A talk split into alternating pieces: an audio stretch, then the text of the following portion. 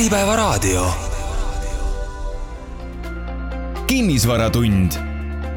kinnisvaramaastikul juhatab teed ärikinnisvara arendaja Capital Mill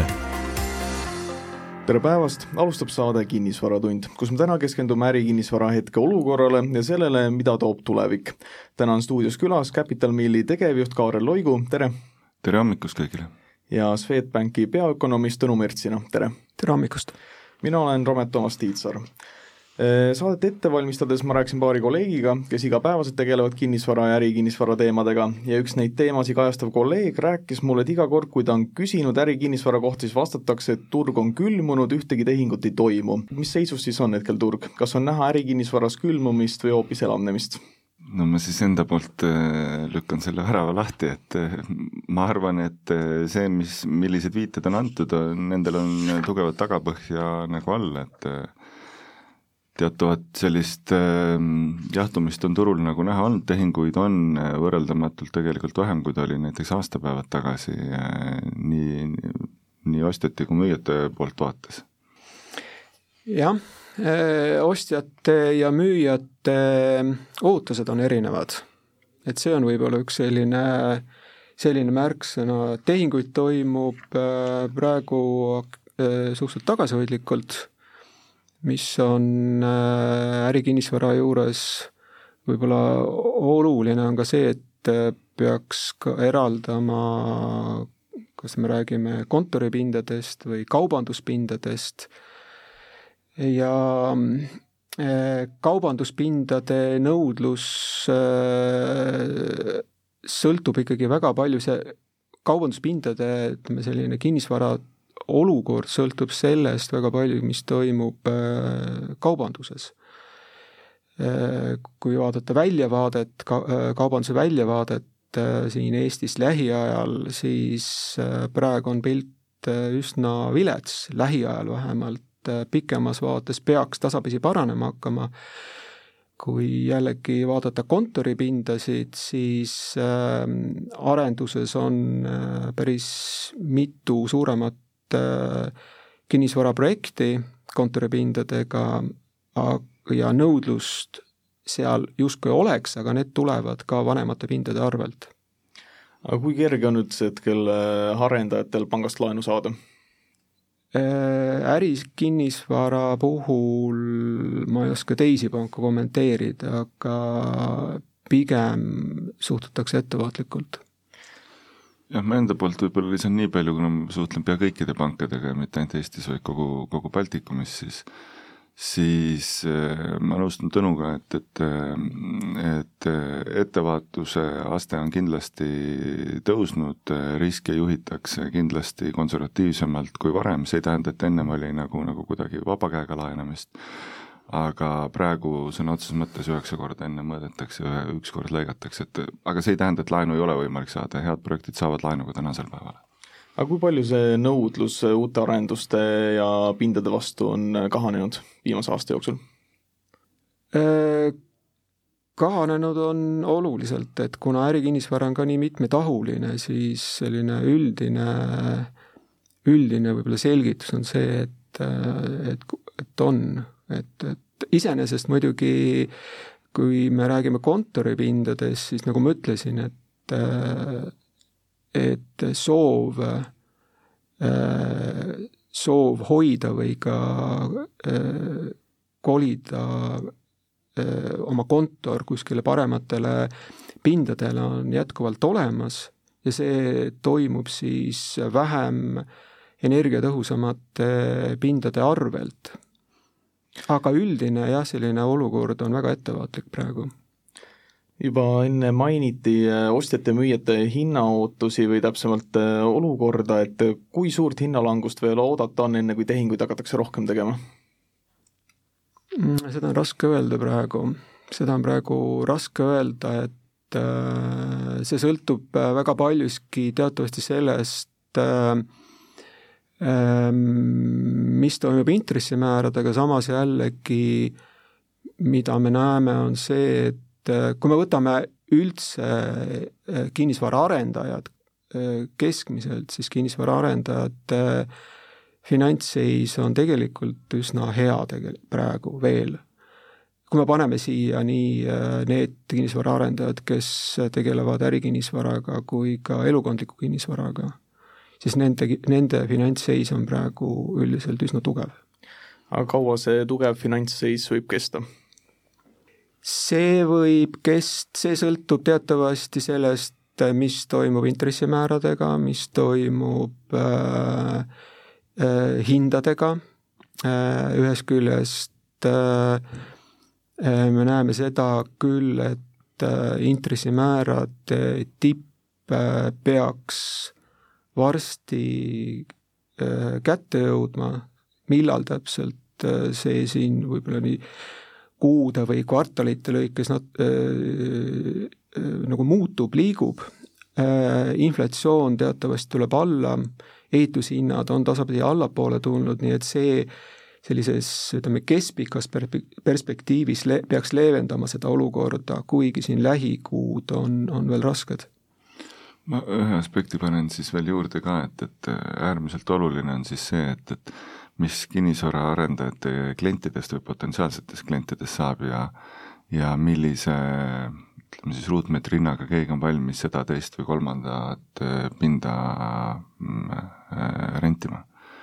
et äh, täna nende Exceli tabelite kokkujooksutamisega, oleme ausad, on päris keeruline tegelikkuses jah, et kui tuul-, tulla veel korraks näiteks kaubanduspindade juurde, siis kaubanduspindade Äh, äri, ütleme, äriprojektid sõltuvad äh, sellest, milline on, äh, on tarbimine lähiajal. ja tarbimine siin lähiajal jääb langusesse, aga ikkagi, kui me räägime arendustest, arendused on pikema vaatega, siis ähm, kuna inflatsioon aeglustub, palgakasv on jätkuvalt väga tugev ja vähemalt praeguste prognooside järgi palgakasv küll aeglustub veidi, aga, aga jääb siin ka järgmisel aastal, ka ülejärgmisel aastal tõenäoliselt, kui ei tule ette jälle mingit äh, uut kriisi, suhteliselt tugevaks, mis tegelikult äh, äh inimeste ostujõudu parandab. Me näeme juba praegu tegelikult, et reaalpalk on oma põhjast üles tulnud ja hakkab, hakkab tasapisi kasvama ja Eesti Panga värske prognoos ütleb, et majandus Eestis tänavu kokkuvõttes langeb üks protsent, et mis on teie prognoos?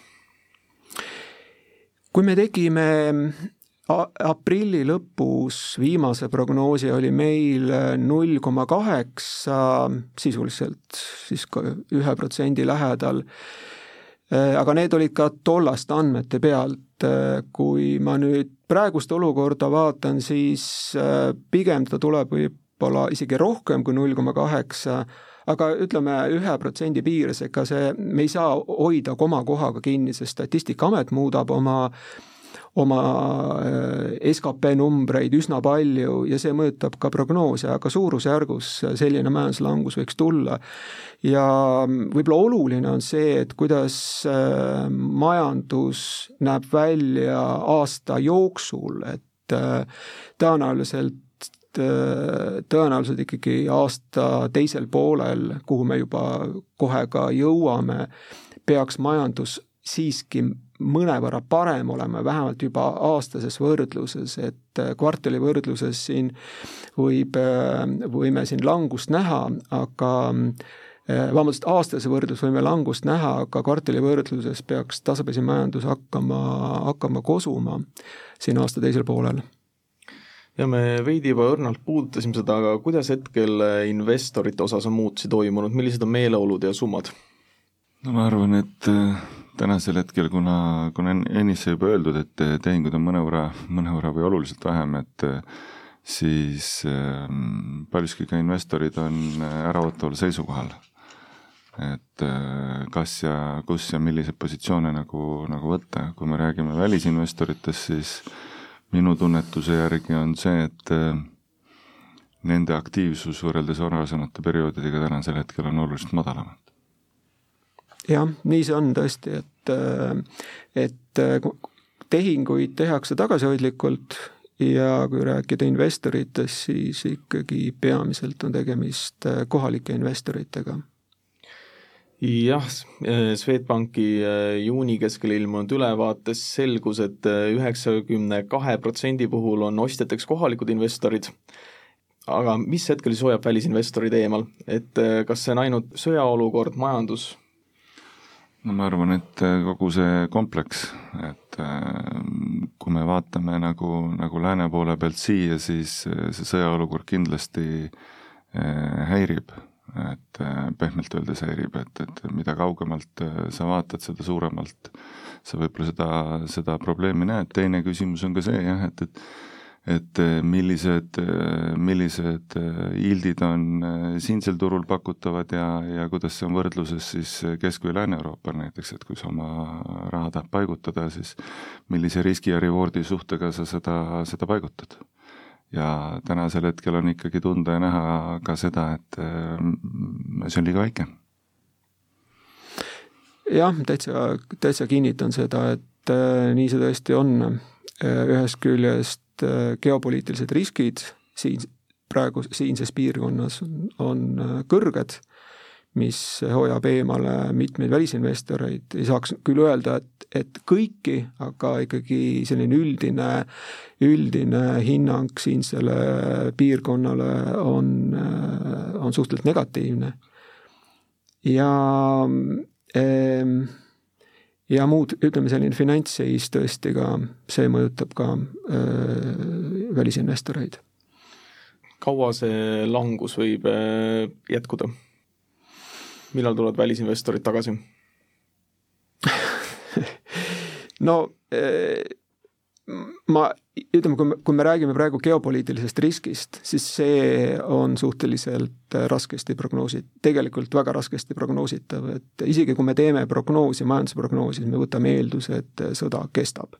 me ei saa pro-, teha prognoosi mingisuguse eeldusega, et sõda lõpeb sellel aastal või ka järgmisel aastal. ja ma usun, et ka välisinvestorid tegelikult äh, eeldavad välisinvestor ei saa teha ka mingeid konkreetseid äh, prognoos, prognoose, et et sõda lõpeb kas sellel või järg-, või järgmisel aastal, nii et selle koha pealt jääb see geopoliitiline risk siin ikkagi veel, veel, veel, veel ülesse. teisest küljest äh, mis toimub äh, hindadega, mis toimub ka marginaalidega, et ühest küljest jällegi, kui me vaatame siin äh, ettevõtete näiteks, ütleme, kui me räägime kogu ettevõtete äh, kasumlikkusest, mis eelmisel aastal päris korralikult üles tõusis tänu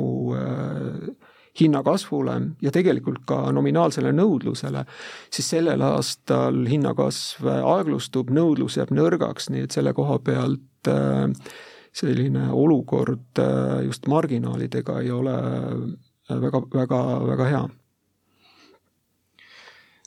on olnud kuuldusid, et kesklinnas on osad büroohooned tühjaks jäänud, kas on nii? No teiste eest on nagu keeruline rääkida, et meil endal on ka äh, päris mitu positsiooni või objekti kesklinnas, meil on objektid äh, praegust äh, võrdlemisi hästi välja renditud, et, et me seda, seda nurka praegu otseselt ei ole tunnetanud, küll aga nagu mida Tõnu ennist viitas, et pigem on, pigem on sellist murekohtasid võib-olla seal kaubanduse poole peal näha üldiselt ähm, noh, kesklinn võib-olla nii spetsiifiliselt ei oskagi kommenteerida, aga kui rääkida kontoripindadest üldse, siis vakantsus oru, oluliselt ei ole äh, suurenenud keskeltläbi. et äh, et mõistagi on, on olukord madalama kvaliteediga kontoripindadel ja, ja siis kõrg, ütleme siis kõrgema kvaliteediga, kõrgema energiaklassiga äh, pindadel, äh, aga, aga selline üldine pilt on see, et kontorite vakantsus ei ole küll vähemalt oluliselt kasvanud praegu. Ma nii palju veel enda poolt või meie, meie ettevõtte näitel näiteks äh, saan tuua, et see jätkuvalt võrdlemisi uus ikkagi büroohoone seal Skyon Maakri, Maakri kvartalis, et selle baasilt saab tuua nagu näite, et kui sa maksad kas või mõned eurod rohkem ruutmeetri üüri, aga selle pealt äh, energiakuludelt võidad äh, teist sama palju vähemalt vastu. Ja kogukulu kliendile on, ütleme siis at the end of the day on, on võrdlemisi sama, siis tegelikult kliendid tulevad nendesse uutesse büroohoonetesse küll, miks, sest lõpuks sa ikkagi investeerid äh, oma, oma töötajatesse ja sinna nii-öelda töökeskkonda, et sul on mõistlik nagu see valik ära teha. madalama klassi pealt siis tulla nõksa kõrgema klassi peale, sest sama kulu eest sa saad mõnevõrra rohkem nii et hetkel äh, üürnikud, üürnikute osas erilist äh, makseraskusi täheldada ei ole? no kontoripindade puhul küll, ma julgeks öelda küll, et ei ole praegu veel, jah. Ehm, no kui ähm, rääkida üldse majanduspildist, mis puudutab siis öö, kogu ettevõtete sektorit ka, siis ähm, eriti just praeguses olukorras, ka eelmisel aastal, me peaksime eristama kahte, kahte pilti majandusest. üks on see, mis toimub äh, majanduses mahtudes ja püsivhindades, kus siis on inflatsiooni mõju välja, välja võetud, et eelmisel aastal oli majandus languses ja sellel aastal ka jääb majandus langusesse. kui me paneme sinna otsa hinnad, ehk siis mis toimub üldse eurodes, siis äh, jooksevhindades majandus jätkab kasvamist eelmisel aastal oli majandus languses üks protsent, aga jooksevhindades kasvas majandus viisteist protsenti, mis oli viimase neljateist aasta kiireim. Sellel aastal jooksevhindades kasv äh, aeglustub päris korralikult, aga ta jääb veidi alla kümne aasta keskmise, mis tegelikult näitab seda, et äh, majandus rahaliselt suureneb, lihtsalt mahtudes ta, ta väheneb. ja kui majand-, kui majandus suureneb rahaliselt, see tähendab seda, et ettevõtted keskeltläbi suudavad teenida kasumit. rääkisime enne veidi äh, uutest büroopindadest ja mida inimesed ootavad, et äh, mida hetkel üldse ostjad ja üürnikud ootavad büroohoones, hoonetest? et see, kui näiteks viis aastat tagasi tehti mingi plaan, siis võib-olla see enam ei päde no ma arvan, mida oodatakse, on siiski kvaliteeti ja seda nagu, nagu igas mõistes, et ehm, ma ei tea, alustame nagu noh, me oleme rääkinud siin energiaefektiivsusest, ehm, noh, sellest ei pea enam, ma arvan, see on, see on täna juba ütleme niimoodi hü-, hügieenifaktor. aga võtame kõige elementaarsema asja, mis meil kontoris vaja on, tegelikult kvaliteetset õhku. et noh, selline hea reegel, et kui sa lähed kuskile noh, seminari või konverentsiruumi ja seal on olnud äh, inimesed ennem kaks tundi peal ja nüüd sa lähed oma koosolekuga sinna, kas sa saad äh, sinna minna või sa pead ruumi piltlikult öeldes tuulutama, on ju. ehk et äh, see on üks selline väike kild näite nagu, nagu kvaliteedist, et et sa saad keskenduda enda peamistele asjadele, mõtlemata sellele, et, et mingi muu element sind peaks segama, on ju me enne rääkisime Tallinna kesklinnas toimuvast, aga mis toimub väl-, väljaspool Tallinna kesklinna ja üldse Tallinnat, et äh, kus arendatakse, mis seis on näiteks Tartus, Pärnus, Viljandis? noh, meie ise oleme oma arendusfookuse eelkõige praegu Eestis, Eestis äh, hoidnud nagu Tallinna peal, jah, meil on küll rahavooga kinnisvaraobjekte üle Eesti ja see on nagu, need on nagu teistsugused posit-, positsioonid, on ju ja, ja, ja kaubanduskinnisvara oleme ka tegelikult arendanud äh, küll Tallinnast väljapoole, aga, aga kontorihooneid äh, mitte. et selles suhtes on mul nagu, nagu teiste linnade kohta keeruline kommenteerida, kuna nagu otsest äh, kogemust selles kontekstis ei ole spekuleerida vist ei ole nagu, nagu mõtet jaa, aga Kaarsilla kinnisvarajuht rääkis hiljuti, et Tartu ja selle lähiümbrus muutub järjest atraktiivsemaks, et kas ei ole olnud mõtteid teha Tartusse rohkem? Eks aegade jooksul mõtteid on olnud, neid projekte, mida, mida kuskilt äh, analüüsist äh, me oleme läbi lasknud, neid ikka tegelikult on ja Tartu on olnud äh, seal kindlasti eesrinnas, lihtsalt me ei ole, me ei ole nii-öelda templit alla löönud veel. No võib-olla tuleks ka seda arvestada, kui sellist nagu üldist pilti luua, et Eestis ikkagi äh, ligikaudu pool, võib-olla isegi enam kogu majandusest, majandustegevusest toimub Tallinnas, Harjumaal umbes kuuskümmend protsenti, Tartu, Tartumaa osakaal on umbes, umbes kümme protsenti. et see määrab ära ka sellise üldised proportsioonid ma vaatasin, et Capital Millil on arendused väljaspool Eestit veel Leedus, aga mis näiteks Lätil viga on? ei, Lätil ei ole midagi viga, meil on Lätis ka nii, nii maapositsioone olemas kui ka, kui ka rahavooga kinnisvara. Et äh, Lätis me tegelikult ka ühe sellise väiksema arenduse tegelikult äh, alles eelmisel kuul lõpetasime ühe logistikakeskuse, noh, mis jah, noh, mis ta nii väga väiksem ka oli, et aga, aga ühe logistikakeskuse me Riia äärelinnas eelmine, eelmine kuu avasime. aga kas on plaan ka liikuda mõnele teisele lähiturule, näiteks Soome või Rootsi? Meie poolt vaadates käesoleval hetkel mitte, et me oleme defineerinud enda strateegias, et Eesti, Läti, Leedu on meie koduturud ja, ja ma arvan, et siin on meil piisavalt palju toimetamist ja siin on meil kompetents ja meeskond olemas kõigis nendes riikides. mõni aeg tagasi oli juttu, et Leedus on ärikinnisvara arendamine juba mõistlikum kui Eestis, kas see on jätkuvalt nii? ah, seda on niimoodi raske öelda, mm, miks peaks olema, kui me nüüd toome siia ehm,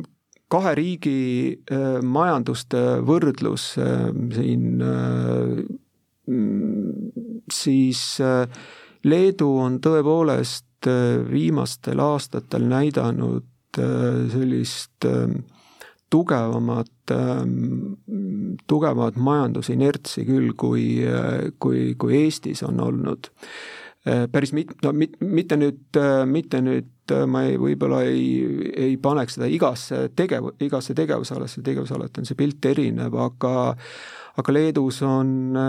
on kvalifitseeritud töötajate kättesaadavus parem, palgatasemed on keskeltläbi madalamad,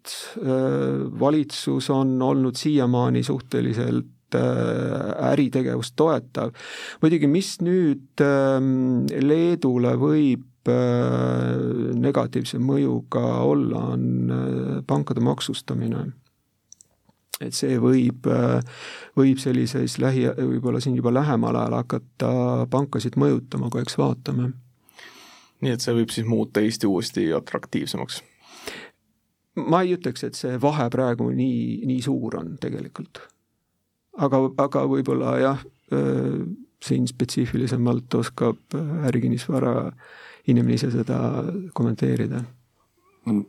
Ma pigem ühtin selle arvamusega, et ega siin noh, meie poolt vaadates nagu selles kontekstis vahet ei ole, et, et kas ta on, kas ta on Eesti või Leedu, pigem hindame konkreetset projekti ja, ja, ja selle elujõulisust, et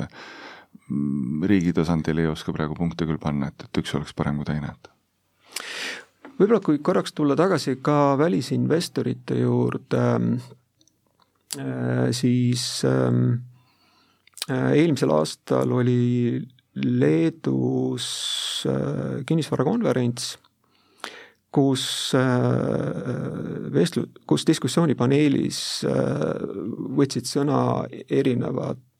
välisinvestorid, et kuidas nemad näevad seda praegu, seda Baltikumi piirkonda kinnisvaraarenduses. ja ma ütleks, et ähm, pilt nii riigiti Eesti, Läti, Leedu kui ka Baltikum tervikuna, oli ähm, äh, erinev. et ei saa öelda, et äh, neli äh, investorit, kes paneelis istusid, ütlesid sada protsenti kõik, et äh, Baltikumi ei tasu investeerida. Oli üks investor, kes ütles, et äh, siinne geopoliitiline olukord on äh, kindel Äh, tegur sellest, et siia ei maksa vähemalt nii pea investeerida, samas oli investor, kes ütles, et ta on siin turul tegutsenud juba väga pikka aega, ta oskab neid riske äh, riskidega toime tulla, neid riske ka maandada, ta võtab pikemaajalise vaate ja, ja, ja, ja tema hinnangul see, see olukord ei ole nii mustades toonides, nii et nii et ähm, ühest küljest riigiti on see pilt erinev ja teisest küljest on ka investorite lõikes see, see pilt erinev, aga jah, nii nagu me juba saate alguses ütlesime, et selline üldine üldine investeerimiskeskkond, eriti välisinvesteeringute poolelt äh, Baltikumi, on, on vilets RE kinnisvara vanemkonsultant Henno Viires kirjutas Äripäevas hiljuti, et uue valitsuskoalitsiooni kavandatavatel maksumuudatustel on mitmekülgne mõju ärikinnisvaraturule. ta toob välja, et käibemaksumäära tõus tõstab üürihindu, tulumaksumäära tõus jätab jälje kinnisvarainvesteeringute tootlusele ja nii edasi. kuidas teie hinnangul mõjutavad valitsuse vastu võetud maksumuudatused kinnisvarasektorit? No eks nad umbes nii, niipidi nagu mõjutavadki, nagu, nagu siin ennem viidatud sai, et, et äh, matemaatika mängib niimoodi kokku. aga samas on see olukord ka selline, et äh, noh, ta mõjutab kõiki nagu võrdselt ja ühtlaselt, on ju, et, et, et siin keegi kuskil kohas mingisugust nagu eelist ei saa, aga jah, see, et, et teatav nagu, nagu numbrite ülesminek on, noh, see on paratamatu. ja no me räägime küll kahe protsendi punktisest äh, muudatusest nii käibemaksus kui ka, kui ka tulumaksus, aga, aga, aga see kaks protsenti on tegelikult äh, päris, äh, päris korralik mõju, eriti just nendele, nendele ettevõtetele, kellel on raskem seis nii et, ähm, et äh, kaks prots-, kaks protsendipunkti ja see mõjub tegelikult, äh, mõjub äritegevusele küll, no me ei, ma arvan, me ei näe siin mingisugust äh, drastilist, drastilist sellist negatiivset mõju, aga siiski raskendab äritegevust. aga mida teie ootate uuelt valitsuselt, mida nad peaks teistmoodi tegema? No ühest küljest, ähm, ühest küljest muidugi see olukord, kus äh, äh, riigi rahandus on, äh, on korrast ära, riigieelarve on suures puudujäägis, mis tegelikult oli ka varem ju prognoositav, koroona ajal, koroona või pandeemia ajal lihtsalt nii palju raha suunati majandusse et see, see tekitaski valitsusele suuremad kulud võrreldes tuludega. püsikulud olid kõrg-, on kõrged, nii et see tegelikult kannaks sellise riigieelarve puudujäägi ajas edasi mida tegelikult valitsuselt oleks oodanud, oleks põhjalikumat analüüsi oma maksude kehtestamisel. praegu, mis on toimunud, on ju see, et on pandud ähm, maksudele mingi protsent otsa selle eeldusega, et, et suure, kõrgemast maksukoormusest saab kõrgemat maksutulu aga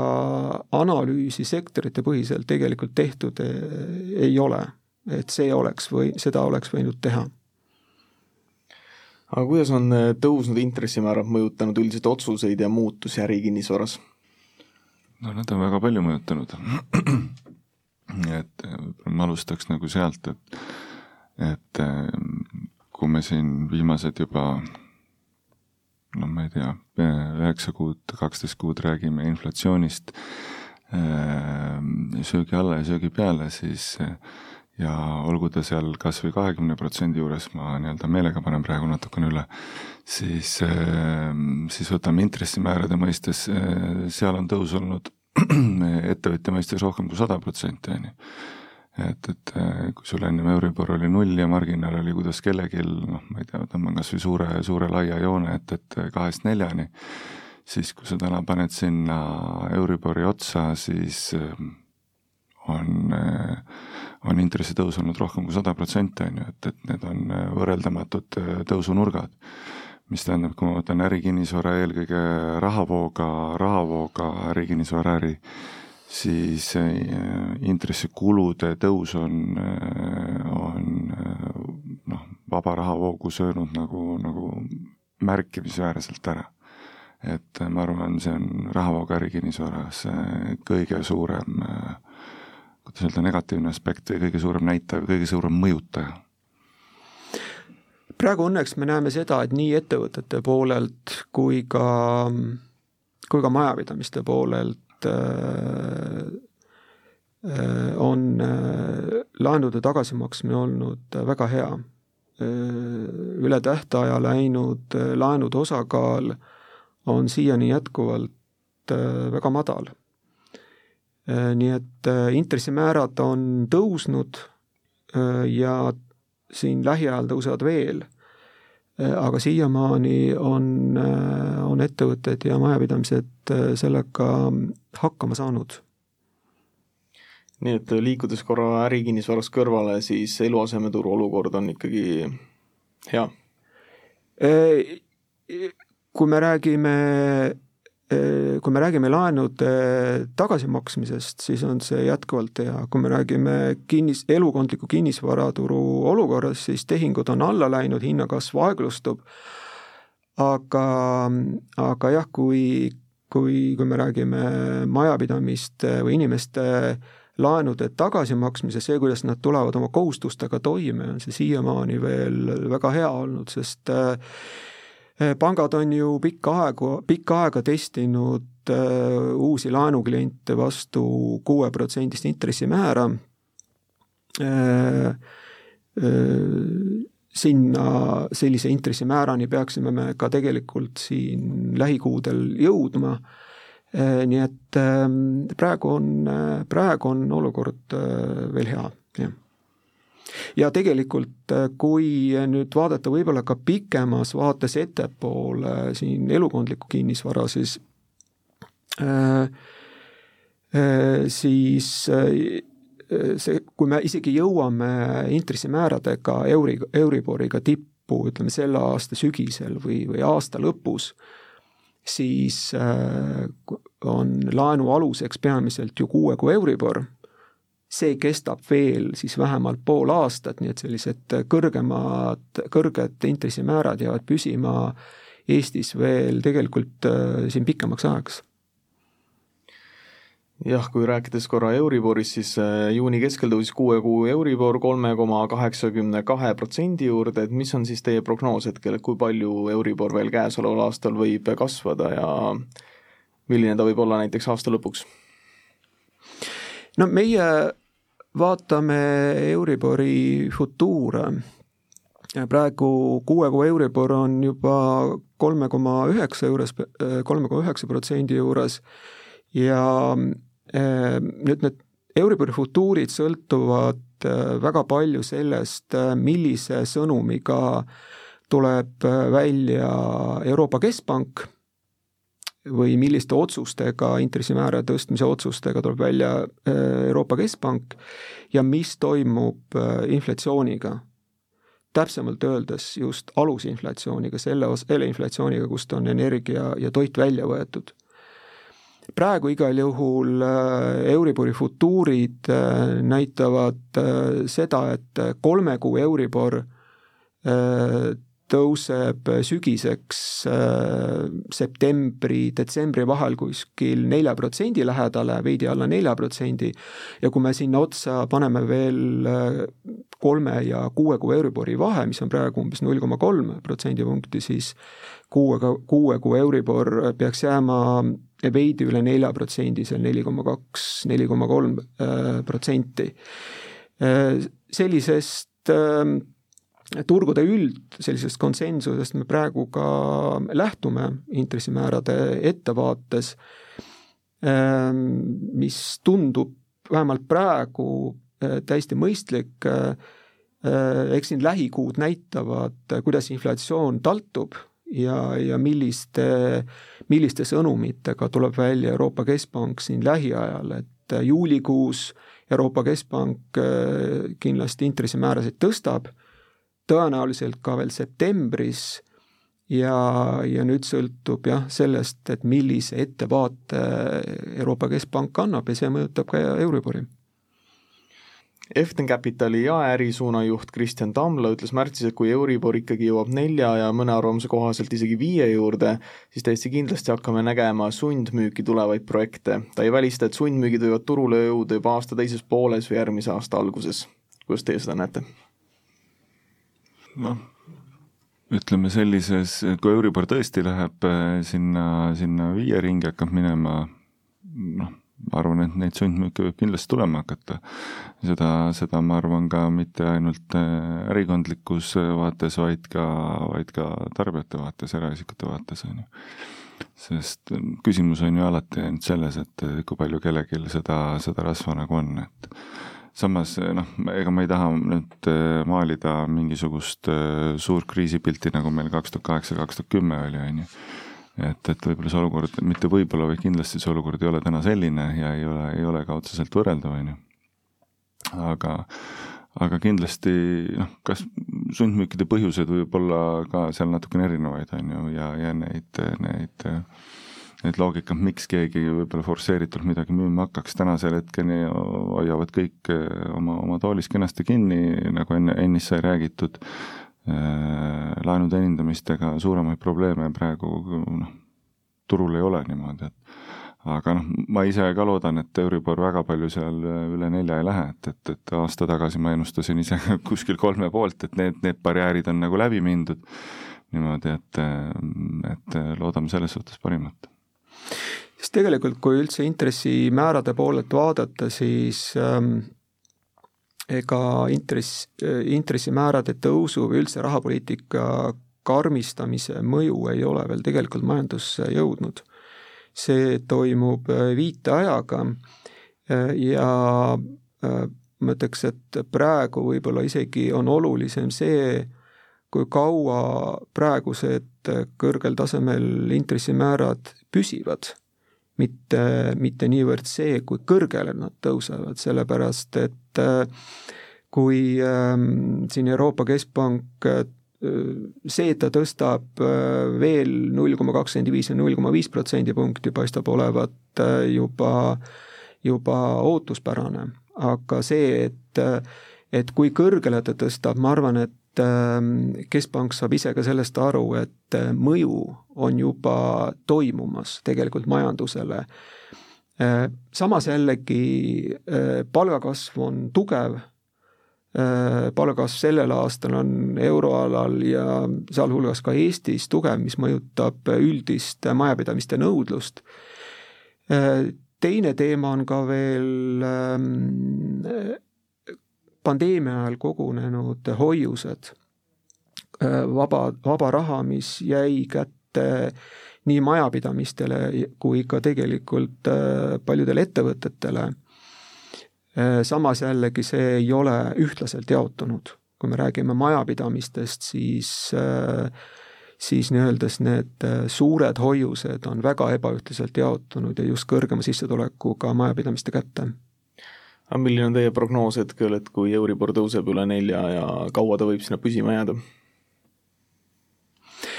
Äh, jällegi, kui me räägime futuuridest, äh, siis, ähm, siis äh, futuurid näitavad seda, et, et selline pealt neljaprotsendine Euribor jääb püsima kuskil aasta lõpuni, võib-olla aasta alguseni ja vähemalt praegu on meie prognoos, et järgmise aasta alguses äh, peaks hakkama Euroopa Keskpank oma intressimäärasid tasapisi allapoole tooma. miks, on, on, seal on, on kaks põhjust, üks on see, et ähm, äh, euroala majandus nõrgeneb praegu, mis omakorda hakkab ka nõudlust pidurdama. Ja teine teema on see, et Äh, inflatsioon tervikuna on kiiresti aeglustumas. nüüd see, kas ta too-, kas selle üldine inflatsiooni aeglustumine toob kaasa ka alusinflatsiooni, ehk siis selle osa inflatsiooni, kust on energia ja toit välja jäetud, toob selle kiire aeglustumisega kaasa, seda näitab veel aeg, et äh, praegu äh, see alusinflatsioon aeglustub suhteliselt visalt tegelikult, aga kui ikkagi energiahinnad on alla läinud, tootjahinnad on alla läinud, praktiliselt kogu hinnakomplekt, mis peaks ka üldist tarbija, tarbijahindu mõjutama, on alla läinud. samas jällegi jah, mis hinnakasvu üleval hoiab, on tugev palga, palgakasv. aga saadet vaikselt kokku võttes siis äh, ja üldse jah, tervet meie vestlust kokku võttes, siis äh, milline tulevik siis hetkel tundub, et kui süngeks läheb või on siis pigem ikkagi helged noodid ka? ma ütleks niimoodi, et ähm, sellist ähm, äh, liiga palju on öelda, et, et majanduse väljavaade on helge, kindlasti on seda liiga palju öelda. samas äh, ma ei tahaks teha praegu siin prognoosi, et me näeme järgmisel aastal jätkuvalt majanduslangust. Eesti majandus on olnud languses tegelikult juba eelmisel aastal olime languses ja kui me võtame selle aasta kokku, jääme ka sellel aastal tõenäoliselt languses, muidugi iseasi on see, kui täpne on Statistikaameti eh, skp arvestus üldse. Eh, et Eesti oli teatavasti eelmisel aastal Euroopas ainukene majandus, mis oli languses ja see oli ka paljuski eh, töötleva tööstuse tõttu. aga pigem praegu paistab nii, et me peaksime hakkama, nagu ma ütlesin, aasta teisel poolel tasapisi nii-öelda sellest august välja tulema ja miks? üks on see, et me näeme juba praegu, et reaalpalk äh, taastub, kui reaalpalk äh, jõuab kasvuni, see ei tähenda seda kohe, et meil nõudlus või et meil tarbimine hakkab paranema. tarbimine hakkab paranema mingisuguse viiteajaga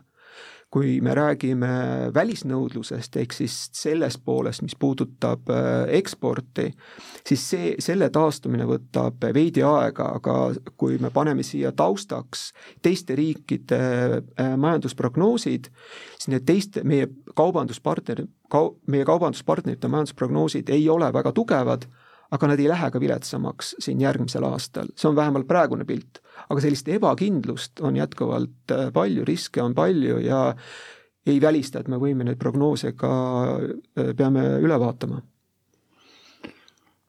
mina omalt poolt lisaks seda, et, et äh, võtame jämedalt niimoodi viimased üks poolteist aastat on olnud keeruline periood ja, ja ma ütleks, et äh, lähitulevikus võib-olla see keeruline periood äh, nagu, nagu jätkuvalt jätkub. pikemaajaliselt isiklikult vaatan äh, pigem helgemalt, noh, kas või meie enda ettevõtte näitel saan öelda seda, et noh, me oleme toonud äh, või otsustasime minna siis äh, uude segmenti elukondliku kinnisvara arendusse, et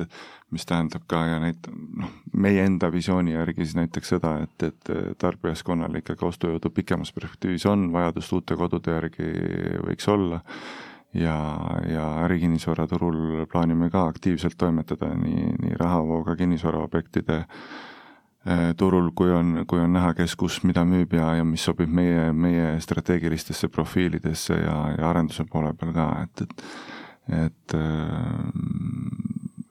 kokkuvõttes äh, lühik-, lühida, lühikene periood on ikkagi pigem, pigem keeruline, aga pikemalt ikkagi ma vaatan positiivselt.